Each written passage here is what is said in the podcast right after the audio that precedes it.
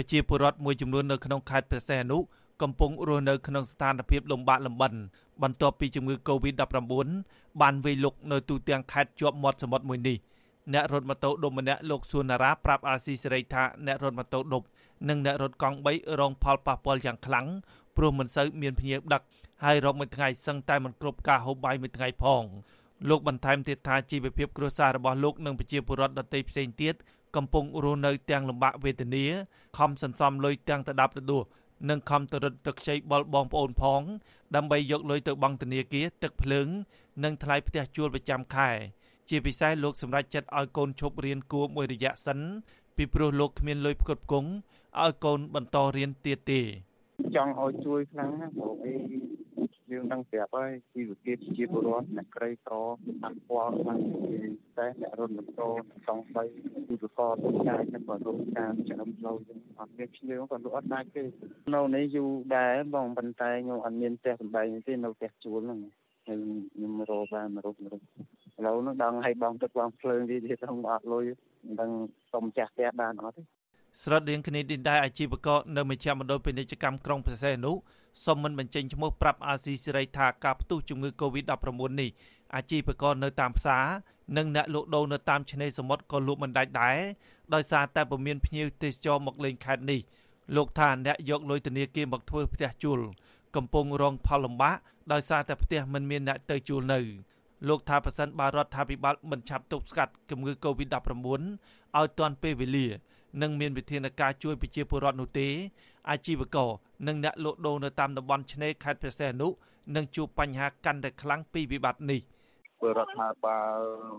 ជួយកាត់អាការរីករាលដាលកូវីដនឹង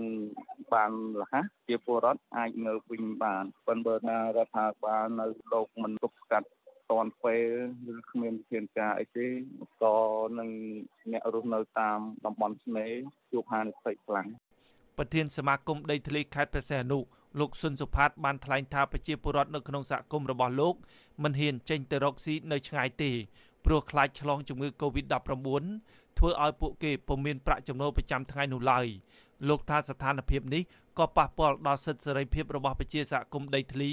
ក្នុងការចេញតវ៉ារកដំណោះស្រាយដីធ្លីនៅក្នុងខេត្តនេះផងដែរ។ ការលក់ដូរការអីហ្នឹងវាវាមិនសូវដើរជាពលរដ្ឋនៅក្នុងតាមសហគមន៍ធម្មតាគាត់លក់ដូរអីចឹងទៅសេដ្ឋកិច្ចវាមិនសូវដើរអញ្ចឹងណាអញ្ចឹងទៅក៏ធ្វើឲ្យមានផលប៉ះពាល់គាត់ដែរអញ្ចឹងណាគាត់លក់ដូរមិនសូវបានរលុយមិនសូវបានព្រោះណាមួយជំងឺ Covid ហ្នឹងវាកើតឡើងម្នាក់ម្នាក់គេរកអីមិនបានគេត្អូញត្អែថាបញ្ហា Covid ហ្នឹងវាកើតឡើងអញ្ចឹងរកអីក៏មិនបាន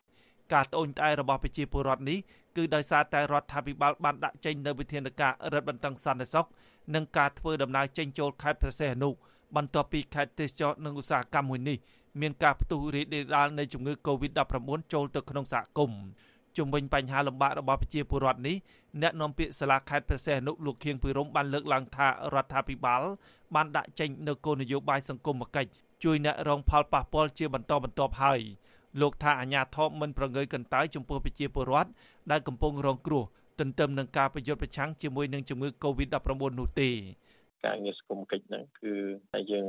រដ្ឋាភិបាលបានទម្លាក់ថវិកាជួយទៅលើកិច្ចការងារសង្គមហ្នឹងបានជួយទៅដល់បងប្អូនដែលរងផលប៉ះពាល់ចំពោះបងប្អូនក្រីក្រគឺទទួលបានគោលនយោបាយតាមការបញ្ចំណាយទៅលើស្ថានភាពជីវភាពរស់នៅរបស់គាត់ជាក់ស្ដែងហើយជាមួយគ្នានេះដែរសកម្មភាពមនុស្សធម៌កាកបាទក្រហមកម្ពុជាខេត្តអង្គរជើងបានចោះតែចែក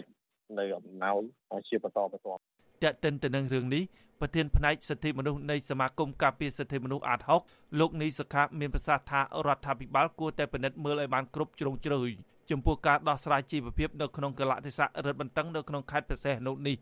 លោកចង់ឃើញឲ្យរដ្ឋាភិបាលត្រៀមកញ្ចប់ថវិកាដោយតម្លាភាពដើម្បីជួយដល់ប្រជាពលរដ្ឋដែលប៉ះពាល់ឲ្យទាន់ពេលវេលា យើងត្រូវការដោះស្រាយជាបន្ទាន់ពីព្រោះយើងដឹងហើយថាប្រជាពលរដ្ឋយើងមួយចំនួនដែលគាត់ក្រីក្រពិសេសអ្នកដែលជិះរត់ម៉ូតូឌុបអ្នករត់កង់3អ្នកកម្មករអ្នកអីមួយចំនួនទៀតហ្នឹងក៏រមួយថ្ងៃហូបមួយថ្ងៃទេវាអត់អាចមានលុយកាក់អីច្រើនទៅទុកដាក់សម្រាប់ដោះស្រាយជីវភាពបានរាប់ខែគឺអត់មានទេក្រមប្រជាពលរដ្ឋនៅក្នុងខេត្តប្រសេះនុដែលកំពុងជួបការខ្វះខាតសំណូមពរដល់រដ្ឋាភិបាលឲ្យគិតគូរបន្ថែមទៀតដល់សុខទុក្ខរបស់ពួកគាត់ដូចជាការផ្ដល់ជំនួយជាស្បៀងអាហារនិងថវិកា ព្រមទាំងជួយសម្រួលរឿងបំណុលធនាគារនិងបញ្ចុះថ្លៃទឹកភ្លើងជាដើមខ្ញុំបាទហេងរស្មី អាស៊ីសេរីពីរដ្ឋធានី Washington